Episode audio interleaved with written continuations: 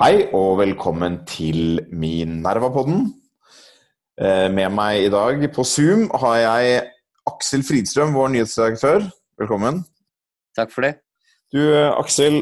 Eh, vi har jo skrytt av nå forrige gang at vi har fått bedre lyd. Vi har fulgt oppfordringer fra våre donorer om å eh, investere i bedre mikrofoner osv. Og, og nå er vi tilbake til dårligere lyd.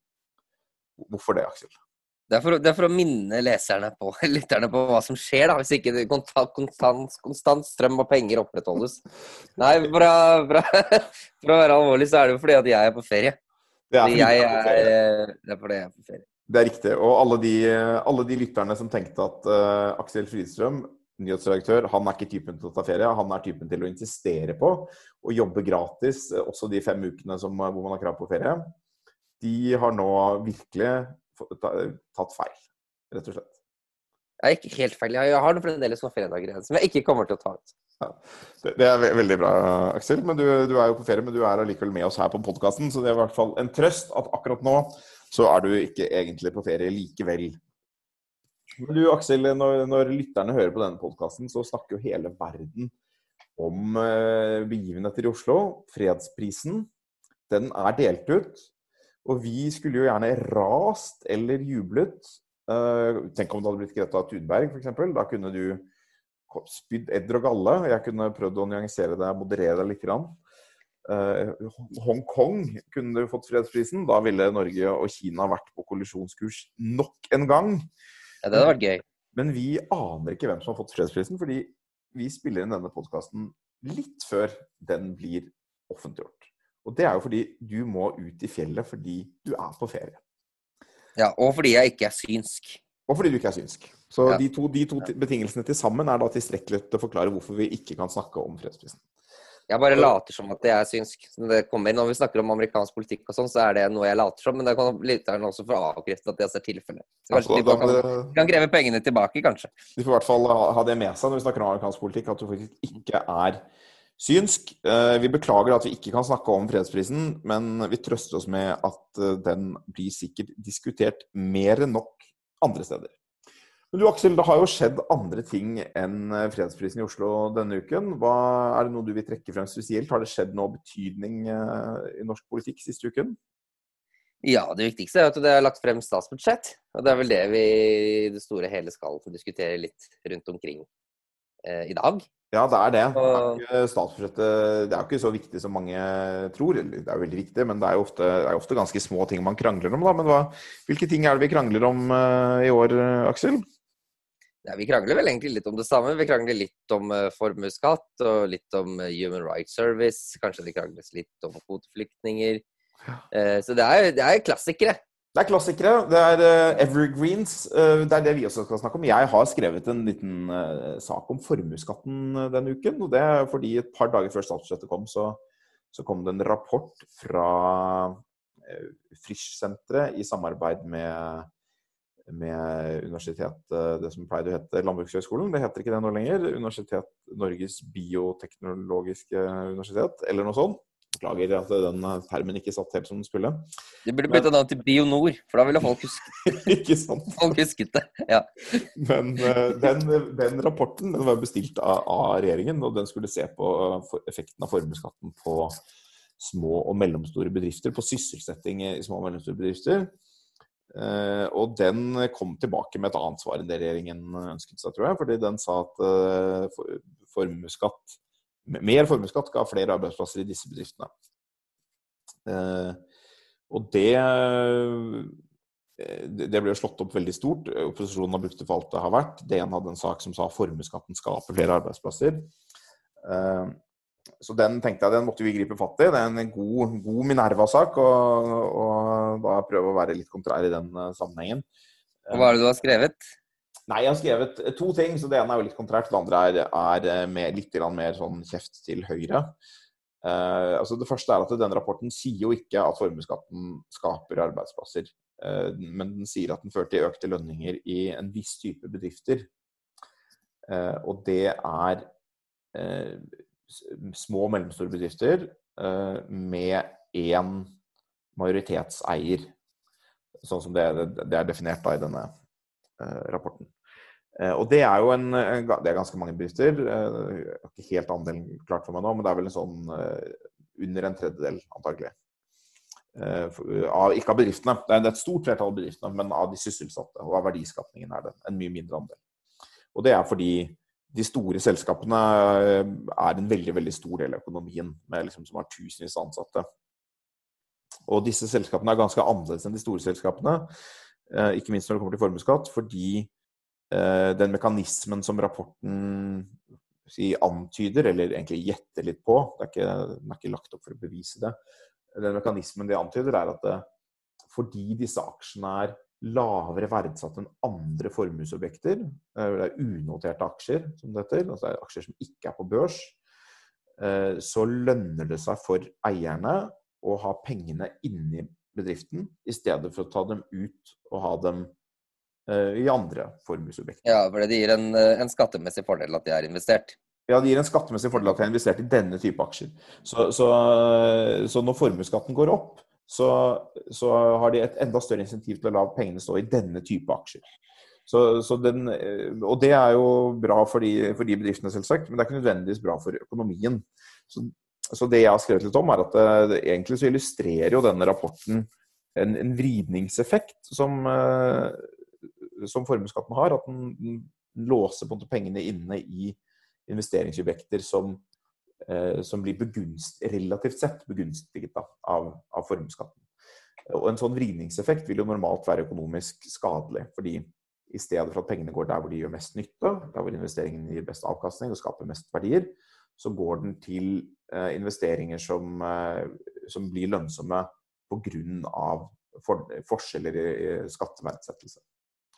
Eh, og, men litt sånn relatert til det, så, så viser jo da denne rapporten eh, et problem med Høyres argumentasjon. Altså, nå, nå, kan jeg jo si det, nå finnes det jo andre innvendinger mot denne rapporten. Det, det, har vært en diskusjon, en debatt i DN der noen andre professorer i økonomi har eh, kritisert rapporten for for sin identifiseringsstrategi, og, og forfatteren har svart og sagt at kritikken er misforstått. og Sånne debatter vil det veldig ofte være i faglige sammenhenger. Men, men fra mitt perspektiv så, så, illustrerer denne rapporten at eh, Høyre har liksom satset veldig mye på en type argumenter i formuesskattdebatten som ikke er de som har, har, størst sjanse for å finne faglig støtte. Man har liksom ønsket at argumentene for for lavere formuesskatt skal være små og mellomstore bedrifter, lokalt eierskap, eiere som er nære de ansatte. Det høres liksom hyggelig ut, koselig ut. Man tenker at det er en fin politisk strategi. Hvis du snakker om store bedrifter og, og liksom aksjer på børs og, og, sånn, så høres det mye kaldere ut på en eller annen måte. Det er ikke noe koselig med de selskapene som er på børs. Og det å snakke om vridningseffekt og at man på en måte for å unngå uheldige skattemessige tilpasninger og, og liksom optimalisere allokasjonen av uh, midler osv. Det er ikke den type argumenter som man ønsker å, å gå i debatt med. da. Men, uh, men, fra mitt perspektiv så er nok det sånn, de, de, argumentene som finnes for å redusere formuesskatten, uh, og, og, for å De som finnes for å redusere formuesskatten, de ligger i at vi bør minske forskjellen i verdsettelse mellom ulike formuesobjekter. Eh, og at det tilsier også en, en eh, reduksjon fra dagens uh, toppsats, da, som er 0,85 uh, Men samtidig så er jo det, og det her ligger det andre problem for Høyre, at i det man sier det, så ligger det jo også et argument der for å øke verdsettelsen av en del andre typer formuesobjekter som i dag er lavt verdsatt. Og da først og fremst eiendom. Det er klart at det krasjer jo med Høyres policy da på eiendom, eller har gjort det. Det som er litt interessant, var at jeg skrev min kommentar på det var vel på mandag, tenker jeg. Og eh, så kom budsjettet, og da, litt i min overraskelse egentlig, kanskje burde ikke blitt så overrasket, men, men eh, får, i praksis så gjorde jo regjeringen da egentlig litt noe i tråd med det jeg egentlig hadde etterlyst. At man øket skatten på eh, dyre boliger ved å redusere denne verdsettelsesrabatten. Da. Så man har økt formuesverdien på, på eiendommer, riktignok bare veldig dyre eiendommer foreløpig, eh, og da redusert eh, verdien av aksjer eh, i verdsettelsen av aksjer noe. Så egentlig så har man gått litt i den retningen jeg snakker om. Og noe som er konsistent med å si at man skal redusere vridningseffekten, snarere enn å, å, ha dette argumentet om at man tapper bedriftene, som har vært For det er det som har vært Høyres argument. Argumentet for at man tror at dette vil føre til færre arbeidsplasser i bedriftene, at man liksom tapper bedriftene. Mens det jeg skriver i min tekst, forklarer litt, er at eh, altså, hvis du har en bedrift da, som er verdsatt til 50 millioner kroner i ligningen, eh, og majoritetseier, den er antagelig verdt ganske mye mer, så eh, hvis du da ikke klarer å betale snaut 300 000 kroner i formuesskatt, da har du egentlig skjøttet deg ganske dårlig. Fordi en bedrift blir ikke verdsatt til 50 millioner kroner hvis den ikke tjener penger eh, over tid. Det finnes selvfølgelig noen unntak knyttet til eh, oppstartsbedrifter som kan bli verdsatt til liksom, hundrevis av millioner kroner før de har tjent en eneste krone. Men, men, det er unntakene som man burde ha, liksom, som man kan finne spesielle ordninger for.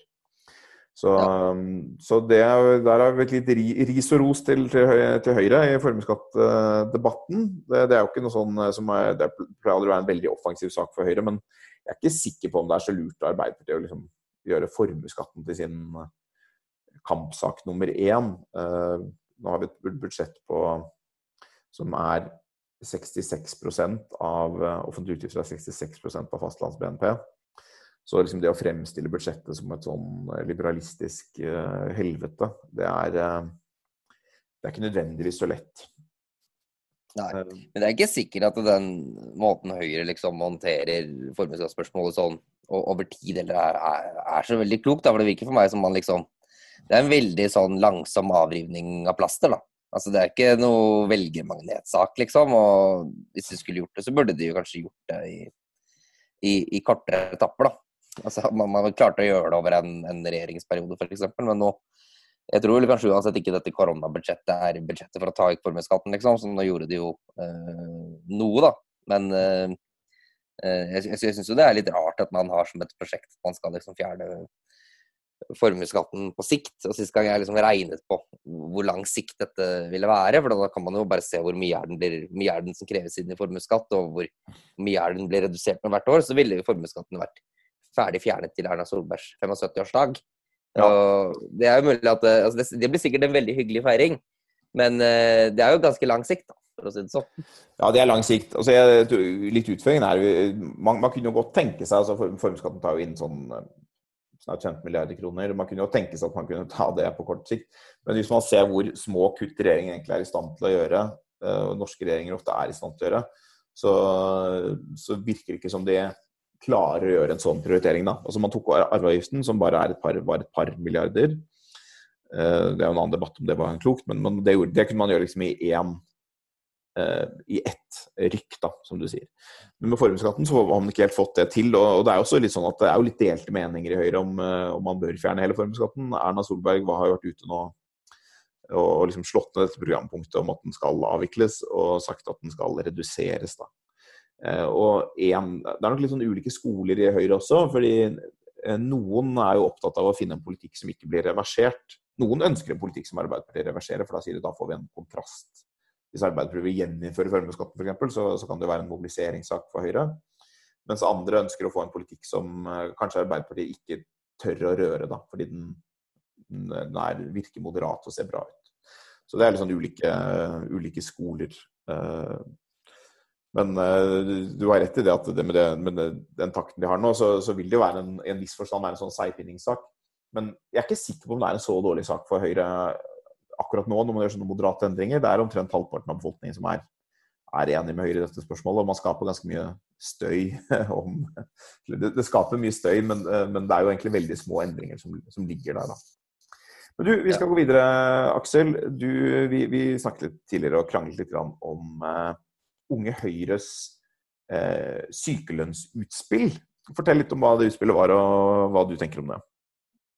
Nei, det handler jo da om at Unge Høyre har uh, laget en sånn grafikk, eller meme, eller meme, eller hva hva, hva disse Det er i hvert fall et bilde hvor det mm. er en som ligger på sofaen med, og kan egentlig bare se sokken og føttene, og så ser de på Netflix. Og så sier de at, eh, skriver de at uh, Unge Høyre Eller det at Norge vil ha verdens høyeste sykefravær, og at Unge Høyre vil liksom redusere satsen til 80 da. Mm. Og den grafikken den ble jo trukket tilbake veldig fort. Jeg tror den ble trukket mm. tilbake etter fem minutter eller noe sånt, og de mener jo selv at det skyldes en intern kommunikasjonssvikt at dette har blitt publisert. Men eh, det har jo da øh, uansett avstedkommet ganske mange reaksjoner. Det er jo øh, mange, særlig på sosiale medier, så spres jo denne. Og også liksom Heidi Nordby Lunde, som er leder av Oslo Høyre, har jo også vært ute og kritisert da, denne grafikken og denne retorikken da, fra, Mm. fra Unge Høyre. Men Eh, du er du positiv. jo- ja, jeg er ikke positiv, men jeg syns i hvert fall ikke det er så veldig mye å hisse seg opp over. da. Jeg synes så at eh, eh, selv om den grafikken ikke er representativ for sykemeldte flest, så er det jo helt åpenbart at den setter fingeren på noe som antagelig er et reelt problem. Altså Man har jo veldig mange flere sykemeldte i Norge enn i sammenlignbare land. Og man har en ordning som er egentlig 100% tillitsbasert, i hvert fall for de første 14 dagene. Det er jo egentlig ingen kontrollmekanismer overhodet. Og da er det jo god grunn til å anta da, at hvis man har veldig mye større forbruk av denne type trygdeytelser, at det også forekommer et misbruk. Og jeg syns det er helt OK at noen setter liksom fingeren på det og peker på at det eh, skjer. Så kan man liksom spørre om, om det liksom, Kanskje ikke Unge Høyre hadde det, det reneste sparket på ballen, da, men de var i hvert fall til stede på den stadion da, hvor kampen spilles, i motsetning til veldig mange andre. Så eh, jeg, er ikke, jeg er ikke så kritisk til det. Jeg syns det er helt OK at et ungdomsparti liksom benytter seg av den type grafikk og retorikk. Altså, jeg, det, det, det kan man jo forstå. Jeg, det er en sånn sak som kan forutsigbart vekker eh, masse sinne. Og det, og det er ikke sånn at det alltid trenger å være politisk negativt for et parti. Man kan få oppmerksomhet om en sak. I denne situasjonen så står de jo ikke helt for den kontroversen. Sier, de trekker den med en gang, og, og moderpartiet reagerer negativt. Eh, og jeg tror Noe av grunnen til det tror jeg da, det er at eh, Høyre har liksom prøvd denne sånn snylterretorikken, eller sånn unnasluntrer-latsabb-retorikken litt tidligere. Spesielt da man hadde en, en tanke om at karensdag liksom var løsningen. Det, det var alltid en feilslått løsning, mener jeg. Fordi utfordringen er langtidssykefravær, ikke, ikke så stor grad korttidssykefraværet. Men eh, jeg tror grunnen til at man ikke lykkes så godt med den retorikken, er at eh, man, man klarer ikke helt å finne en, beskrivelse som én, folk kjenner igjen, og to, som skisserer løsninger som, som står seg. da. Så jeg, jeg er blant dem som mener at sykelønn er et viktig felt, og at det er riktig å redusere sykelønnen. eh, fordi eh, det er, det er mye som tyder på at vi vil hjelpe til å få folk raskere tilbake i jobb når de har, når de har eh, begynnende langtidssykefravær. Og det er bedre for, for alle parter. Det er bedre for, for samfunnet, og det er bedre for den ansatte også. Fordi jo lenger man er ute vekk, borte fra jobb, jo vanskeligere blir det å komme tilbake. Men litt av utfordringen, sånn som jeg ser det, er at eh, de fleste som er sykemeldte Det er selvfølgelig en del sykemeldte som man sikkert kan si eh, som eh, misbruker ordningen eller eh, snylter eller et eller annet sånt. Det kan man alltid finne eksempler på. Men det, det største problemet knyttet til langtidssykefravær er jo at folk har en eller annen form for reell utfordring. Eh, Det kan være masse forskjellig. Det er ikke sikkert at det beste for dem er å være sykemeldt selv om de har en reell utfordring, men, men at liksom folk er eh, At de velger å sykemelde seg fordi de har lyst til å se på Netflix, det er nok en veldig sjelden altså det, det er, Det er nok en veldig sjelden, men jeg, det er jo også en, en litt rigid lesning av, av den grafikken. da, At det, folk er ikke sykemeldte bare fordi de skal se på, på Netflix. Jeg tror at de forsøker å få frem at det, det forekommer et, et, et misbruk her. og det, Så kan man diskutere om det er en god retorikk eller ikke, men det er jo åpenbart et snev av sannhet i det, i hvert fall. Altså, man, har jo innført, eh, man har jo innført for andre, for andre, andre trygdeytelser, så har man innført et veldig rigid eh, kontrollregime, og man har jo mye mindre sjenerøs utbetaling. Nettopp fordi at man er bekymret for at disse ytelsene kan misbrukes. Og Det ville vært veldig rart hvis man mente at sykelønnsordningen er den eneste trygdeytelsen i det norske trygdesystemet som aldri kan misbrukes. ikke sant? Ja. Jeg, jeg, jeg tror det er som høyre, grunnen til at voksne reagerer, også, det er at jeg tror de i økende grad har kommet til en erkjennelse av at eh, det er ikke sikkert at misbruk er den riktige inngangen til å gjøre noe med et sånt problem. At hovedgrunnen til at disse tingene brukes mer enn de bør, er ikke nødvendigvis misbruk. Altså, det, er andre måter å, å forstå det på, da, den prosessen som skjer når folk ender i langtidssykemelding f.eks. Altså, det, er, det, kan, det, det kan begynne med en arbeidskonflikt, det kan begynne med ang, lett angst eller lett depresjon. Eh, eller ting som utvikler seg til en situasjon der man ikke liksom, klarer å komme tilbake i jobb. Og den, det er en veldig annen liksom, inngang. Hvis du, begynne, hvis du, har lyst til å begynne å kommunisere til velgerne at vi, til, vi, vi, skjønner at dette, her er det reelle problemet for mennesker som er i utenforskap. Og vi har lyst til å begynne å løse dem og få dem tilbake i jobb. Og et av elementene vi bruker for å få til det, er også å justere sykelov. For det kan være riktig å gjøre. Hvis du vil prøve å kommunisere det, eh, så er det ikke så, så lurt kanskje samtidig å kommunisere vi tror at dere som er sykemeldte, egentlig jukser. Fordi veldig mange som er sykemeldte, har jo masse skamfølelse. Og, og det er en av tingene som gjør det vanskelig å få tilbake til jobb også, er at man, man, liksom, man går, Hvis du tenker at du er sykemeldt over lang tid, da, fire måneder, fem måneder, seks måneder, alle sosiale sammenhenger hvor folk spør hvordan går det, hva gjør du? Og så sier du sånn de første ukene så kanskje man ikke liksom åpner helt opp og forteller sånn. Etter hvert så må man jo forklare folk at man ikke er på jobb. Og så, og så, og så kommer man inn i en vond sirkel hvor det blir tøft å møte folk fordi det er vanskelig å forklare hva man driver med. og det er ikke sikkert folk ser at du er syk, og så skammer du deg for det. Så Dette er sånne type historier man hører veldig mye av. Og jeg tror at det er Det betyr jo ikke at det ikke også finnes eh, misbruk av trygdeordninger, fordi det er mennesker misbruker jo selvfølgelig ordninger, for det er, det er sånn vi mennesker er. Men, men, eh, det er vanskelig å kommunisere de to tingene samtidig hvis man vil argumentere for en løsning som er basert på den problembeskrivelsen som jeg skisserte. Ja, men det er ikke sikkert at den problembeskrivelsen som du skisserer heller er så, så forlokkende. da, ikke sånn, og nå har du blitt sykemeldt. Og for å gi deg en, en, ekstra løft, så skal vi liksom ta vekk 20% av utbetalingen din. Det er ikke sikkert at jeg tror at Jeg vet om en, liksom en del sånne Twitter-brukere som også ville klart å peke på noen svakheter i akkurat den argumentasjonen. Det er sånn. Men, men der, har man, der, har man, i motsetning til da, denne formuesskattesaken her, her, finnes det da forskning som, som peker på at når man tar grep som, uh, som gjør det mindre attraktivt å være sykemeldt, så er det lettere å få folk tilbake i jobb. Og, eh, og man, spesielt hvis man gir insentiver både til arbeidsgiver og arbeidstaker. Og, det gjør at de over lang tid eh, vil i mindre grad havne i utenforskap. Altså havne i uføretrygd og, og, den type ting.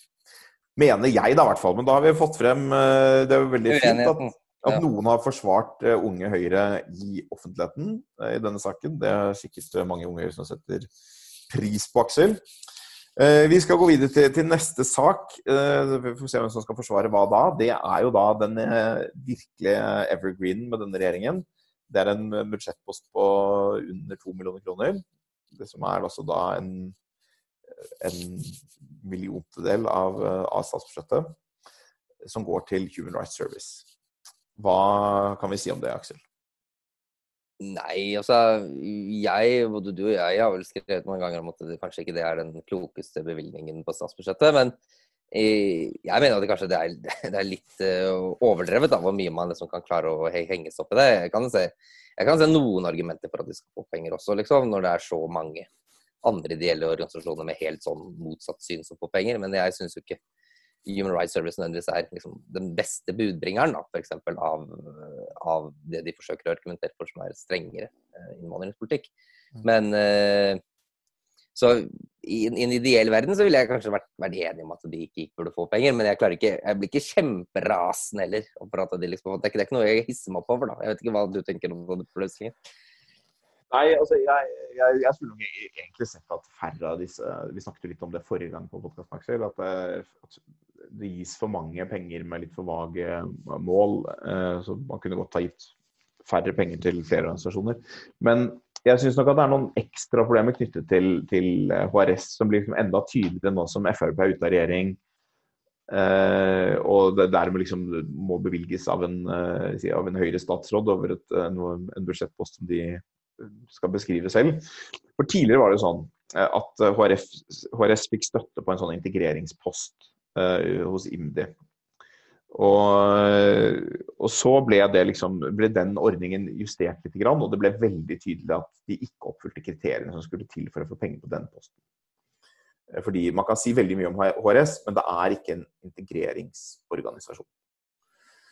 Eh, det er jo da liksom, oppfordret til å ta bilder av muslimer for å dokumentere liksom, kulturelle revolusjonen som denne trusselen medfører for, for Norge. Og det kan man kalle mye, men man kan ikke kalle det for integrering. Uh, og så ble den da flyttet, fordi den ikke kunne være på den posten lenger, til en post som ikke hadde noen begrunnelse. Og Det er jo på en måte, det er jo veldig spesielt og veldig uvanlig. Den ble flyttet en post som handlet om noe helt annet, og bare liksom lagt inn der Justisdepartementet. Eh, som da ble bevilget av en Frp-statsråd i forrige statsbudsjett. Så gikk Frp ut av regjering, og posten er blitt liggende da i Justisdepartementet. Men nå har den fått en beskrivelse, for det syns vel Høyre at de måtte, måtte, gi den. Og da står det liksom noe om at uh, noe litt sånn vagt knyttet til en integrering og belyse ulike konsekvenser osv. Som er nærmere å være noe, da. Men jeg må jo si at jeg hadde nesten hatt mer sans for om om man hadde sagt regjeringen ønsker å gi støtte til organisasjoner som uh, belyser problemene med innvandring. Uh, og, da ville man også fått frem at det, kanskje denne organisasjonen faktisk ikke er den beste budbringeren. Og det, det, viser jo et annet problem med bevilgningen, at HRS får penger fordi det er blitt en symbolsak. Ikke fordi Frp eller nødvendigvis mener at dette er den aller beste organisasjonen for å fremme dette standpunktet, men det er fordi dette er nå en konflikt. Sånn at Hvis Frp skulle gi seg på dette, så ville det være et symbolsk nederlag for partiet. Og, og, Det er derfor det ikke går. Og Så kunne man jo spurt seg hvor, hvis jeg hadde jeg, sånn, Min første tanke er jo sånn ok, ta det i hvert fall ut av budsjettet først, og så får Frp forhandle det igjen, eh, inn igjen. Så får det være deres liksom, store seier i dette budsjettet. Men Erna Solbergs tanke later vel helt inn til å være at hun liksom holder seg veldig tett på Granavolden og, og, de avtalene hun har inngått, for å liksom holde Frp så nære folden som det er mulig, da, selv etter at partiet er ute av regjering. Jeg tror det er klokt sånn sett med, med, med Høyres briller å, å forholde seg til, til, avtalen ganske tett. For det, det er ikke noe vits å skape presedens for at Frp kan også slippe å forholde seg til den avtalen. Nei, og annet Men, at, eh, de har jo sagt at de ikke vil forholde seg til disse avtalene. Mm. Men eh, jeg kan fortelle litt, litt eksklusivt sladder egentlig. Eh, eller det er nesten litt, eh, det er nesten litt eh, på grensen til litt uprofesjonelt, men jeg har jo vært med å Jeg har jo vært med å Ikke over. På, på grensen. Ikke over. På grensen, på grensen. Ja. Det er lenge siden, da, men jeg har jo vært med å forhandle om budsjettet i Oslo kommune for mange år siden. Mm. Og det var jo da på et tidspunkt hvor jeg tror HRS i hvert fall enten ble tatt ut av statsbudsjettet eller fikk halvert støtten sin. Fikk halvert da var det, og da var det snakk om at da ønsket Frp, som da var et støtteparti for et høyre-venstre KrF-byråd, å legge de pengene tilbake igjen. da, Slik at alle pengene som staten tok ut, ville kommunen eh, rebevilge.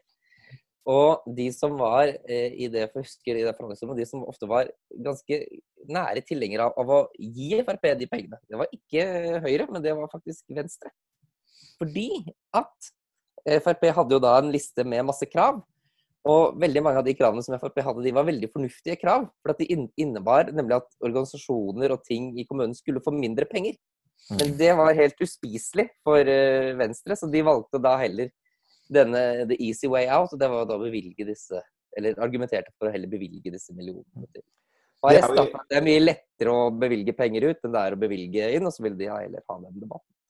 Og det, er... og det mener jeg setter virkelig det store problemet her. At liksom alle alle problemer liksom skal løses med at eh, vi bare oppretter en ideell organisasjon som har akkurat mitt formål, og så mm. bevilger vi penger til den. og så svelger liksom alle den pillene. Det er jo i tråd med, med Venstres uh, svar til oss. Vi, vi, vi, laget en kort sak hvor vi spurte Venstre om, om, dette denne uken. Hvor de jo da svarer at vi er veldig fornøyd med at vi har gitt så masse penger til andre organisasjoner på integreringsfeltet. Så, så, det er liksom akkurat den løsningen man tar, at man da kaster ut penger. Og, jeg er jo ganske, som jeg har sagt før, eh, det, det er god, god sjanse for at hvis man bare ga penger til ingen av disse organisasjonene, så ville liksom, den positive integreringsvirkningen kanskje være konstant, da, men koste litt mindre. Vi nuller hverandre litt ut, eh, mange av disse organisasjonene. Så det er, eh, Sånn er det med den saken. Vi er ikke så sikre på at det er klokt, men du mener det er klokt å holde deg til avtalene. Det det høres ja, alltid klokt ut. Det kan jo tenkes at du har rett i det, men jeg, jeg, må innrømme at jeg er litt kritisk til denne HRS-støtten. Også fordi altså jeg, jeg, jeg, lurer på om det som er som jeg syns kanskje er eh, et interessant uh, aspekt ved støtten som er litt underkommunisert i Høyre, eller som jeg opplever at man ikke helt forstår godt nok, er at denne støtten er så giftig eh, blant muslimske velgere at det, det, gjør måte, borgerlig side veldig lite attraktivt for, for muslimske velgere. Og det er liksom fordi det allerede er ganske få muslimer eh, som er aktive i Høyre, så er det en tilbakemelding Høyre får ganske lite internt.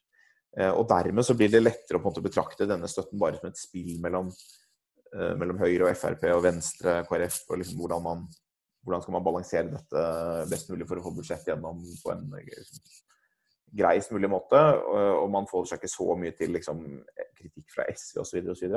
Men den kritikken som man burde tatt inn over seg, i en viss forstand, det er den kritikken som kommer av fra innvandrervelgere som kunne stemt borgerlig, men som har så store problemer med å svelge dette at de, at de velger ikke å gjøre det. Det syns jeg er et godt poeng. Takk for det, Aksel. Eh, du, Det første da gode poenget ditt i dag. Ja, men du, da tror jeg vi faktisk eh, nærmer oss slutten på denne sendingen. Det skjer ting i USA også, Aksel. Trump er syk og frisk og gal og twitter opp og ned og ligger dårlig an på meningsmålingene. Men det er det så mange andre som snakker om at jeg tror vi skal la det, la det ligge, rett og slett. Du skal Ja, få gå ut i, ut i fjellet og kose deg. Det skal jeg gjøre. Men det er én ting vi har glemt. Liksom ek ekte nordmenn. Vi er på fjellet. Ja, ekte nordmenn er ikke på jobb i hvert fall. Eh, Men det er én ting vi har glemt, Aksel, og det er å si at eh, det er fortsatt mulig å støtte denne podkasten økonomisk. Så vi eh, har råd til at du kommer tilbake fra ferie, og tilbake til god, bedre lyd. Og det gjør man ved å vippse litt penger til, eh, til Minerva på, på Vips, mediehuset Minerva. Jeg har pleid å foreslå 99 kroner, fordi det er da mindre enn 100 kroner og mer enn 98 kroner. Men det er lov å gi mer, og det er lov å gi mindre. Uh, og så har vi jo da en utgave ute. Vi snakker ikke om Trump i dag, eh, Aksel, men vi har en papirutgave ute om USA. Den heter 'Er USA ødelagt?' Og svaret på det er kanskje. Det er jo et veldig trist svar, men det er omtrent det svaret vi gir i, i den utgaven. Eh, I hvert fall ikke så langt fra. Eh, Den kan kjøpes på Narvesen, men det letteste er selvfølgelig å tegne et abonnement på Minerva. Og med de ordene så ønsker vi god helg. God helg. Takk for oss. Adjø.